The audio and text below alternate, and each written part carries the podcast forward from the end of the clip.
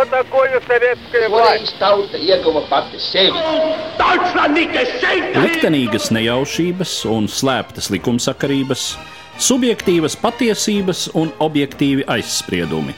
Pēc atkušņa nekad nenāk uzreiz pavasars, bet sākās Arī šodien cilvēki ir ļoti tuvredzīgi. Viņi redz to naudu, kas ir. Televīzijā jau pamatā notiek cīņa par varu. Pagātne no šodienas skatu punkta un šodienas caur pagātnes prizmu. Raidījumā šīs dienas acīm.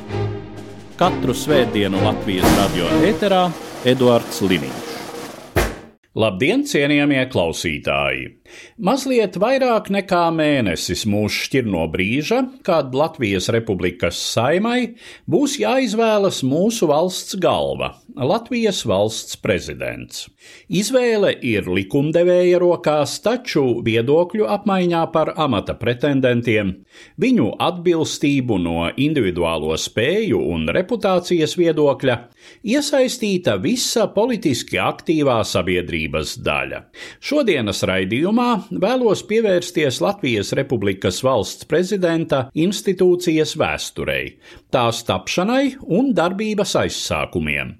Kā zināms, amata statusu un pilnvaras noteica Latvijas satversmes sapulce pēc valsts nodibināšanas pagājušā gadsimta 20. gadu sākumā, izstrādājot joprojām spēkā esošo mūsu valsts pamatlikumu. Par to, kā tapa valsts prezidenta institūcija, mana saruna ar vēsturnieku Latvijas Nacionālās encyklopēdijas galveno redaktoru Valteru Ščerbinski. Satversmes sapulces divi galvenie uzdevumi bija pirmkārt tātad šis tiesiskais rāmis, tiesiskais pamats valstī, un otrkārt, eh, kas sekoja. Vēlāk nedaudz paralēli, tā bija agrārā reforma. Runājot par to, kas ir bijuši šie avoti Latvijas satversmei, pastāv daudzas diskusijas. Noteikti nebija viens paraugs, kam sekoja Latvijas likumdevēji. Pastāv ļoti izplatīts viedoklis par to, ka konstitūciju veidojot, tika sekots Veimāras konstitūcijai, kas bija it kā pēdējais vārds savā laikā. Bet tādā pašā laikā mēs varam secināt, caurskatot satversmes sapulces stenogrammas, ka ir bieži atsaucis uz dažādu citu valstu konstitūcijām. Rietumē Eiropas, Ziemeļa Eiropas valstu, Somijas, piemēram, arī pat Igaunijas satversmi. Tā kā ļoti daudzas dažādas idejas tika izskatītas un paņemtas no dažādām konstitūcijām, bet kopumā pastāv viedoklis, ka lielā mērā šī Latvijas satversme, kas bija ļoti liberāla, ļoti demokrātiska, savā garā sakņojas Veimāras konstitūcijā. Lai gan tajā pašā laikā, ja nemaldos satversmes sapulces stenogrammās, vai arī vēlāk kāds no deputātiem norādīja, ka ir pat šajā satversmē iestrādāts Frančijas revolūcijas laika izstrādāto konstitūciju idejas. Tā kā šis spektrs ir ļoti plašs un tika izmantotas sava laika mūsdienīgākās idejas, radot šo tiesisko pamatu valstī. Jā, te gandrīz vai jāsaka, ja mēs tā skatāmies uz šo satversmes modeli, kāds tas Latvijai iznāca, un tā bija izteikti parlamentāra republika ar uh, salīdzinoši nelielu prezidenta vāru. Nu, faktiski tas modelis, kuru mēs šodien pazīstam, jo uh, mēs jau ar šo satversmi dzīvojam joprojām. Tad vistuvāk gan tā izrādījās tiešām uh, Francijas Trešās republikas konstitūcijai, kas arī bija izteikti parlamentāra, nevis Vēmāras konstitūcijai, kur prezidentam tomēr bija salīdzinoši lielas pilnvaras, sevišķi regulēt situāciju tad, ja tā sacīt parlaments negāja. Kā vēlāk Latvijas vēsturē parādās šis apzīmējums, saima neiet. Man liekas, tā izjūta mums ir diezgan tuvā arī šodien. Un eh, Veimāras konstitūcijā, kāda tā toreiz bija, šajā brīdī bija paredzēta diezgan uh, radikāla prezidenta iejaukšanās un funkciju pārņemšana no parlamenta. Jā, satversmes pirmā daļa, kas skaidroja šos valsts uzbūves pamatprincipus, tapa lielās diskusijās, protams. Un šajās diskusijās izkristalizējās divi lieli, nozīmīgi viedokļi. Vienu viedokli pārstāvēja sociāldemokrāti, kas bija lielākā frakcija satversmes sapulcē, un otru nosacīt mēs varam runāt partijas, kas grupējās ap Zemnieku savienību un bieži vien balsoja kopā ar Zemnieku savienību. Lai gan pašai Zemnieku savienībai, ja nemaldos, 27 balsis bija 150, tas diezgan maz bija kopumā.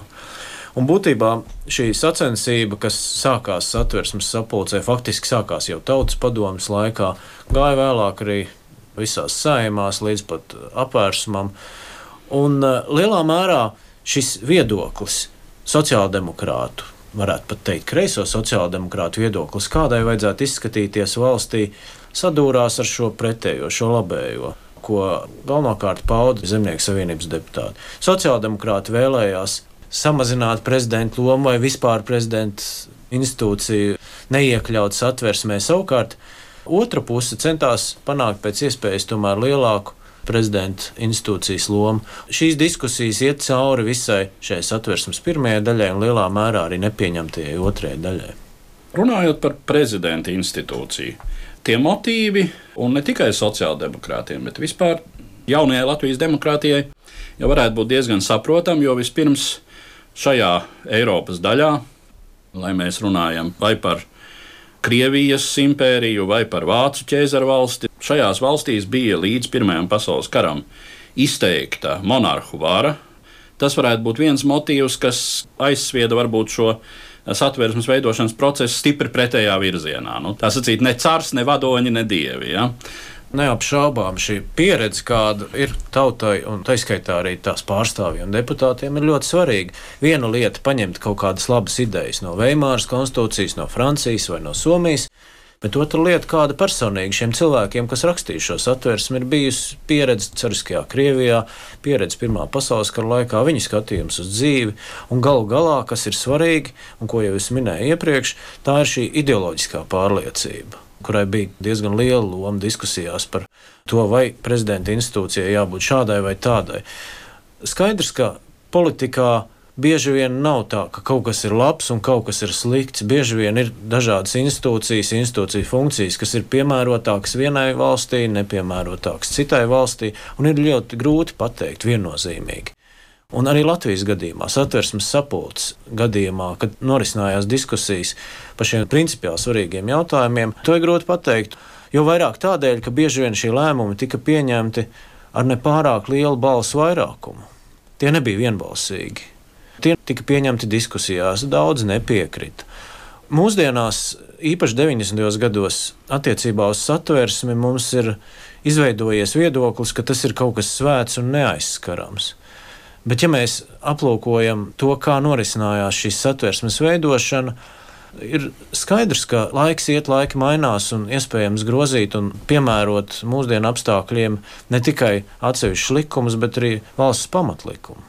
Vēl viens moments, ja mēs skatāmies uz šo prezidenta institūciju, ir dzirdēts tāds viedoklis, ka tajā brīdī daļa deputātu jau bija pamanījusi Kārļa Ulmaņa tīri personiskās īpašības.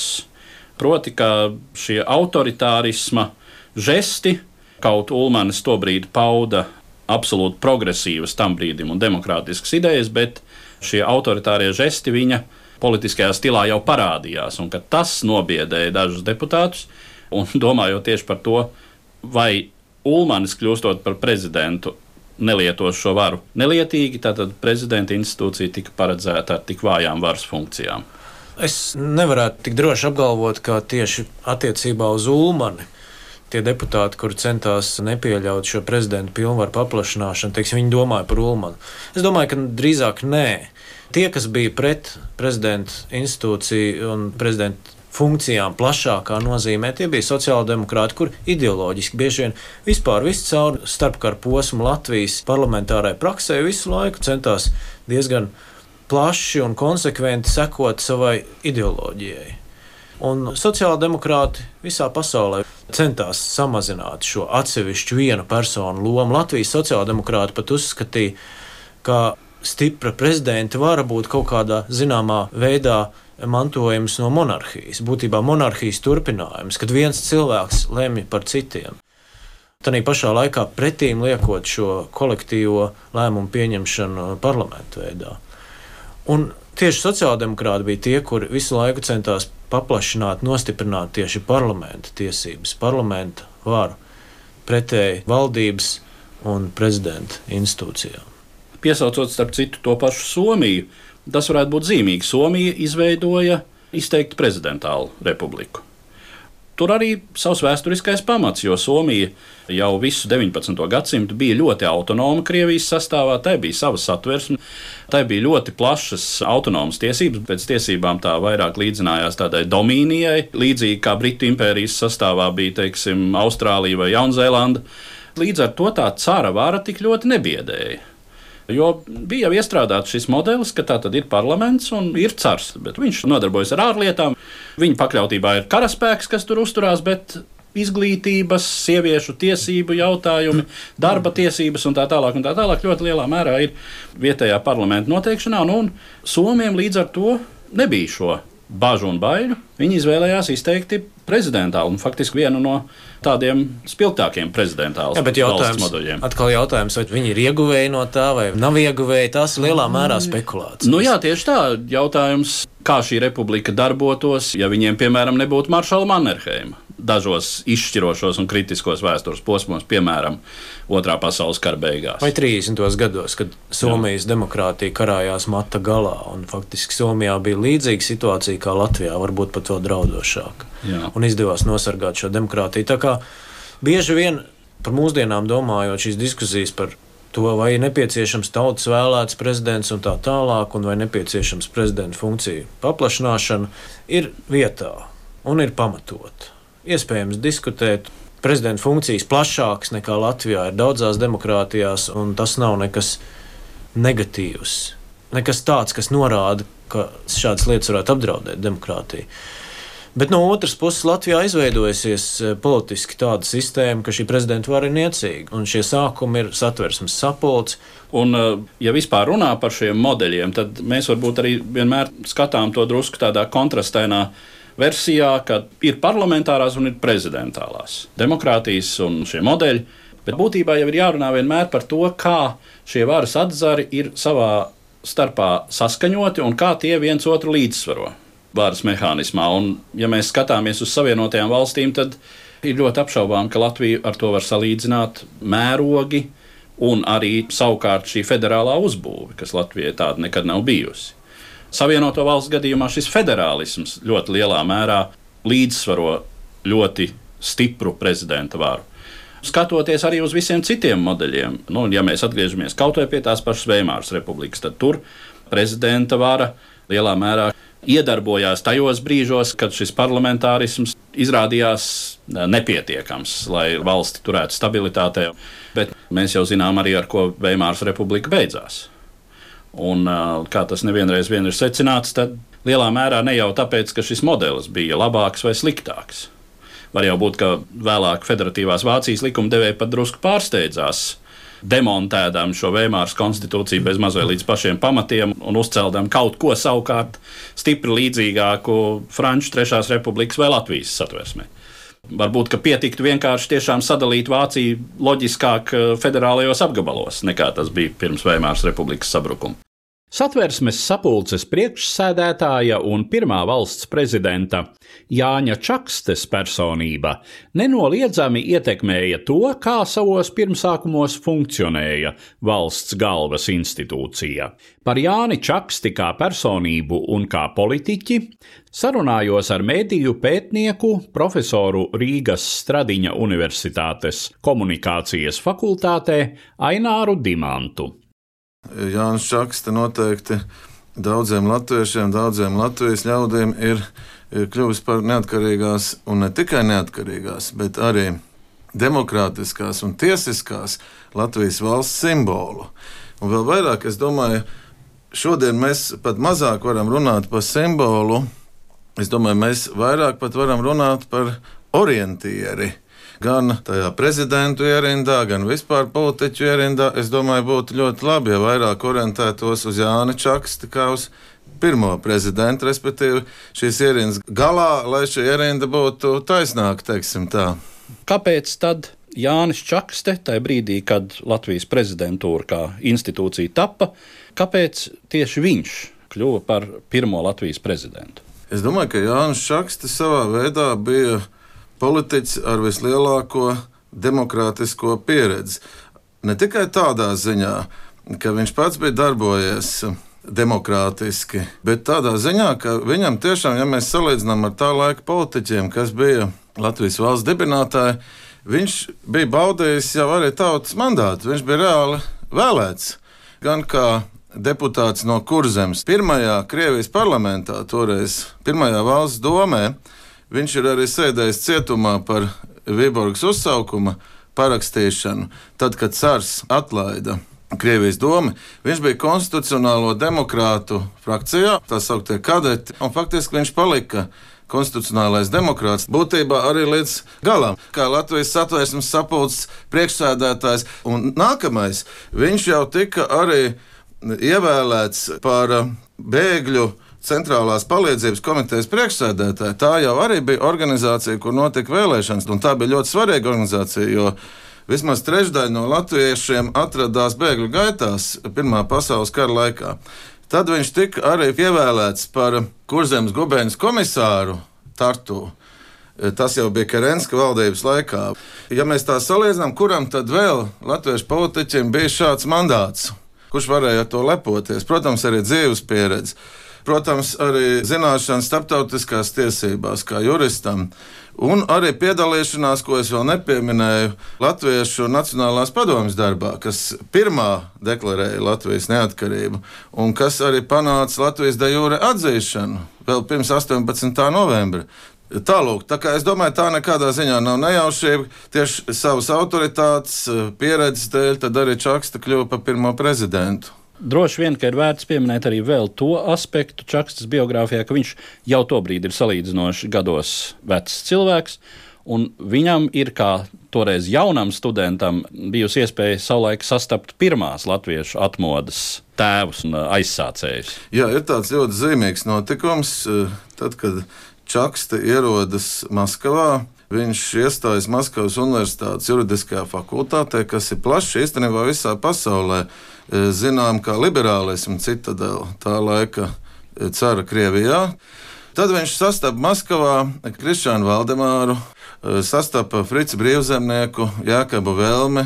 Tur jau Maskavā arī tika izdots žurnāls Austrums. Un 83. gadā pēc Jāņa Čakas iniciatīvas Maskavas latviešu studenti pulcējās atsevišķi no Maskavas latviešu vakariem un izveidoja to, ko sauc par Maskavas latviešu studentu vakaru, kas tagad ir Akademiskā vienība Austrums. Un viņam arī pieder slavenais teiciens, ja rīko, tad rīko skaisti. Un tika rīkots uh, kopā ar Krišānu Valdemāru, ar Frici Brīvzemnieku un Jēkabu Velmi, kuri deva savu svētību šai organizācijai. Jānis Čakste faktiski toreiz, kad viņu ievēlēja par tautas padomus priekšsēdētāju, par uh, satvērsmes sapulces priekšsēdētāju, par valsts prezidentu divās vēlēšanās, viņš tiešām nevis pēc formas, bet pēc būtības piederēja Latvijas sabiedrības intelektuālai elitei. Čakstes tāds spilgtākais konkurents tobrīd, kas pretendēja uz Latvijas prezidenta posteni, bija Rainis. Arī dzan, studēts, arī dzan, prominents, arī dzan, jurists. Arī, arī dzan, jurists jā. Tāpat kā Stučka. Zinot, ka sociāldemokrāti bija lielākā frakcija jaunievēlētajā satversmes sapulcē. Kāpēc ne Rainis, kāpēc tomēr Čakste? Nu, pirmkārt, jau ar to nepietika. Kaut arī bija lielākā, bija vajadzīgs atbalsts arī no citām frakcijām, lai ievēlētu prezidentu, bija vajadzīgs saimnes locekļu vairākums. E, es domāju, ka Čakste ar savu mērenību, tā varētu teikt. Es neteiktu, ka viņš būtu izteikts konservatīvais politiķis, un nevarētu arī teikt, ka viņš būtu izteikts liberālais politiķis. Viņš diezgan tālu stāv no abām tādām galējām nometnēm. Es domāju, ka viņš bija tas, kas nevis polarizēja, bet daudz laika biedri atcerās, ka viņam bija spējas vienot. Un vienot tieši nevis ar dūri, nevis kā vadonim ar lielo burtu, bet kā līderim, aiz kuras sekoja, kurš prāt iedvesmot un kurš varēja palīdzēt atrast risinājumus, kas apmierināja dažādas puses, kas īstenībā ir ļoti svarīgi tādā demokrātiskā veidā atrodot risinājumus. Un es domāju, ka tas vilināja. Plus vēl tas, ka es saprotu arī milzīga autoritāte tautā un ļoti liela popularitāte, un kas izrietēja tieši no tā, ka, lūk, atšķirībā no daudziem politiķiem, it sevišķi jau arī tajā pašā Zemnieku savienībā, ko tur liekties nav vērts, kuri bija saistīti ar tās augtajiem veikaliem un ar darījumiem, kas nodrošināja arī finansējumu partijām, tad tiešām tas ir arī uzsvērts tālāk presē, ka Čakste darbojās nesautīgi. Un viņš nebija nekādu mantu iekrājis savā politiskajā darbībā. Tā kā viņam tiešām bija arī autoritāte, es domāju, ka viņa ievēlēšana noteikti arī bija svarīga no pašas valsts autoritātes viedokļu. Jo jāatcerās, ka laika bija pietiekami sarežģīti arī. Vēl samērā nesen, vēl diezgan daudz latviešu bija nobalsojuši par bolševikiem. Es domāju, ka Rānam par sliktu nācis tomēr galvenokārt tas, ka viņš īstenībā jau nebija politiķis tādā nozīmē. Nu, viņš tomēr ir ir dzinieks. Tas nenozīmē, ka viņš neprot politiski domāt. Es domāju, tieši pretēji, par ko liecina arī viņa kaut vai poēma Daugava. Bet vai viņš prastu tiešām pulcēt ap sevi cilvēkus? Par to gan ir jāšaubās, ir sevišķi politiķis. Es nedomāju, ka viņš būtu veiksmīgs, un es domāju, to arī saprata. Runājot par Čaksti kā par prezidentu, Mēs jau saprotam, ka viena lieta ir tas, kas ir likuma burtā ierakstīts, un tas, ko satversmes tēvi ir iecerējuši un kā tas ir iedomāts. Bet nu, mēs redzam arī šī brīža pieredzē, cik ļoti daudz tomēr nosaka prezidenta personība. Tai attiecību musturī, kāds veidojas starp varas atzariem. Un sevišķi jau tādā brīdī, kad tas viss ir vēl tikai tik, tikko uzbūvēts, kad būtībā ir tā tiesiskā vai politiskās sistēmas čaula, bet tā ir jāpiepilda ar konkrētu saturu. Un šajā gadījumā prezidenta institūcijas tas pirmais satura devējs bija tieši Jānis Čakste. Cik lielā mērā Čakstas personība noteica to, kāda veidojās Latvijas prezidenta institūcija? Katrā ziņā Čakste darbojās satversmes ietvaros ļoti noteikti. Viņš cits starpā ļoti lielu vērību pievērsa bruņoto spēku darbībai, kā virspavēlnieks, arī ārlietām. Tas ir tiem laukiem, kuriem, es teiktu, arī vēlāk, ir īpaši ārlietām, mūsu prezidenti ir pievērsuši eh, iespējams vislielāko uzmanību. Tā kā viņš iedibināja tradīcijas, viņš arī redzēja, ka prezidenta pilnvaras viņa prāt nāktos arī paplašināt. Viņš bija faktiski jau to rosinājis un it kā gatavojās arī rosināt pēc savas otrās prezidentūras beigām, turpinot darbību publicistikā. Es domāju, kas bija ļoti būtiski. Viņš eh, iedibināja tradīciju, kas ir vispār raksturīga eh, šādām institūcijām, prezidentiem, kuriem īstenībā ir apmēram tāds kā karaļa status, kuri nav valdību vadītāji. Viņiem ir tāda kā nācijas morālās autoritātes un simbola loma. Es domāju, ka to Čakste arī e, sekmīgi veids, ir tīpaši ar to, ka viņš e, pievērsās strateģiskiem jautājumiem. Tad mēs runājam par tām domāšanas veidu atšķirībām starp Jānu Čaksti un Kāli Ulmanu. Nevienu no viņiem tagad nenoniecinot, Čakste bija strateģiski domājošs. Bet Ulmans tomēr drīzāk taktiski domājošs. Es te neuzskaitīšu visus tos piemērus, kas par to liecina. Nu, izcils taktiķis. Jā, izcils taktiķis, bet savukārt Čakste bija vairāk stratēģis. Un tāds viens piemērs ir tēma, kas arī šodien ir ļoti aktuāla Mēs daudz runājam par demokrātiju, un tas ir ļoti svarīgi, lai mēs varētu sekmīgi attīstīties. Bet ne tikai demokrātija, bet arī demogrāfija ir svarīga. Un Čakste ir slavens ar to, ka viņam bija tas diskrēts lūgums mūsu tautietēm. Nu, viņš varēja ar tādu arī uzstāties, jo viņam pašam bija daudz bērnu, un viņš aicināja, lai katrai tautietē būtu seši bērni, un tad viņš bija izrēķinājis, ka Latvija varētu kļūt tiešām par valsti ne tikai ar samērā lielu teritoriju, nozīmīgu teritoriju Eiropā, bet arī ar daudziem latviešiem. Būtībā šis jautājums ir ļoti izšķirošs. Mēs vienmēr esam runājuši bieži vien par izdzīvošanu, nevis attīstību. Tagad šī izdzīvošana ir nevis kāda cita rokās. Tagad šī izdzīvošana pamatā ir no demogrāfijas atkarīga. Un šos apstākļus mēs paši veidojam. Tajā ziņā jāsaka, ka Jānis Čakste atziņas, lasot arī grāmatu, taisnība vienmēr uzvarēs te paša Čakste vārdu. Tas ir ļoti moderns. Mūsdienīgs arī saistībā ar to, ka politiķiem nevajadzētu būt uzņēmējiem, ka ir jābūt tā sauktiem profesionāliem politiķiem, ka tas ir atsevišķs darbs. Un cits darbs ir būt, kā viņš teica, veikalniekam. Turpinājumā savu skatījumu uz Jāņa Čakstes darbību valsts prezidenta amatā sniedz vēsturnieks Latvijas Nacionālā arhīva vadošais pētnieks Artūrs Žvinklis. Čakstes nopelns un nevelti.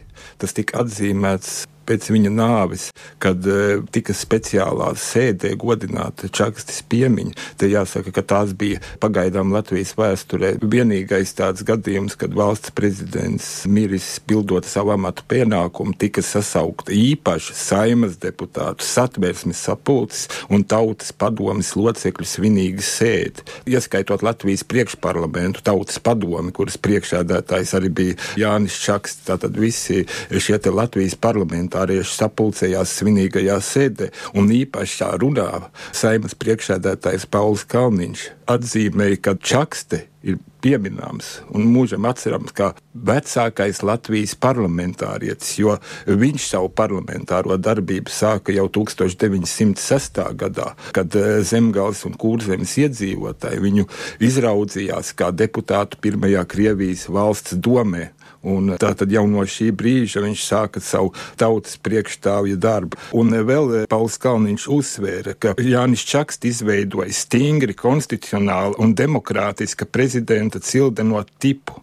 Nekad neizrādīja tieksmi patvarīgi paplašināt savas tiesības vēlāk kaut kādā mērā Latvijai nāksies pēc tam nožēlot, ka pirmie prezidenti, par kuriem mēs runājām, ne tikai Čaksti, bet arī Zemgala un Kviesi, nebija pietiekami aktīvi varbūt šodienas izpratnē jo viņi nenāca ar tādiem politiskiem paziņojumiem eh, klajā. Viņi stingri pieturējās pie satversmes noteiktā principa, ka valsts prezidents par savu darbību nenes politisko atbildību, minimāli jaucās likumdevēja darbībā.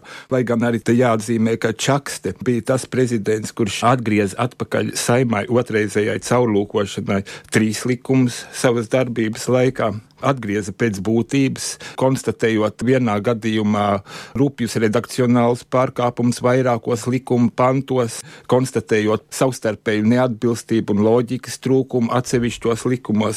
Savukārt Gustavs Zemgals 1928. gadā atgrieza saimai vienu likumu, norādot, ka grozījumi kuras bija pieņēmusi saimta krimināla procesa likumos, paredzētu pārlieku lielas imunitātes saimas deputātiem. Un, eh, kad šai gadījumā, kā atzīmēja Zemgals, tiek pārkāpta būtībā Latvijas republikas satversme, kurā noteikti šīs imunitātes robežas. Bet, diemžēl, kas attiecas uz Albertu Kviesi, tad eh, viņa darbības laikā viņš neatgriez atpakaļ eh, caurlūkošanai nevienu likumu. Nu, jā, mēs varētu teikt, viss bija ok, visi likumi bija ļoti labi, viņam nebija ko atgriezt. Nu, es neuzņemšos risku apgalvot, ka viņa pilnvaru laikā saimas strādāja tik labi, ka visi likumi bija nevainojami, bet otra un eh, galvenā lieta, ka viņš neatrada sevī spēku protestēt pret uh, to, kas notika 1934. gada 15.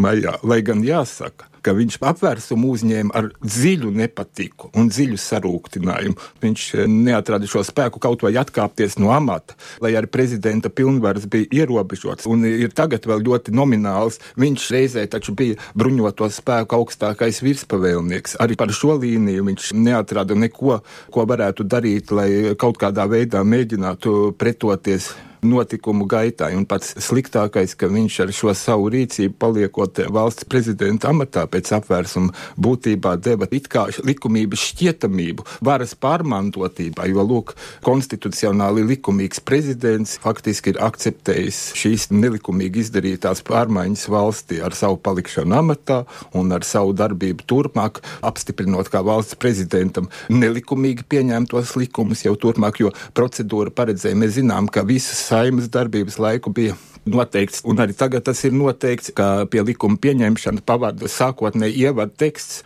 saima ir pieņēmusi un valsts prezidents izsludina. Tagad viņš pilnīgi akceptēja 1934. gada 18. maija nelikumīgo Ulmaņa valdības deklarāciju, kas saimas vietā lika ministru kabinetu un mierīgi parakstīja likumus ar šādu tekstu. Ministru kabinets ir pieņēmis un valsts prezidents izsludina.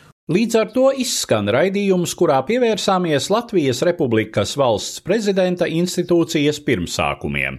Raidījumā dzirdējāt mēdīju pētnieku, profesoru Rīgas Stradiņa Universitātes komunikācijas fakultātē Aināru Dimantu, vēsturnieku Latvijas Nacionālās encyklopēdijas galveno redaktoru Walteru Ščerbinski un vēsturnieku Latvijas Nacionālā arhīva vadošo pētnieku Artūru Žvinkli.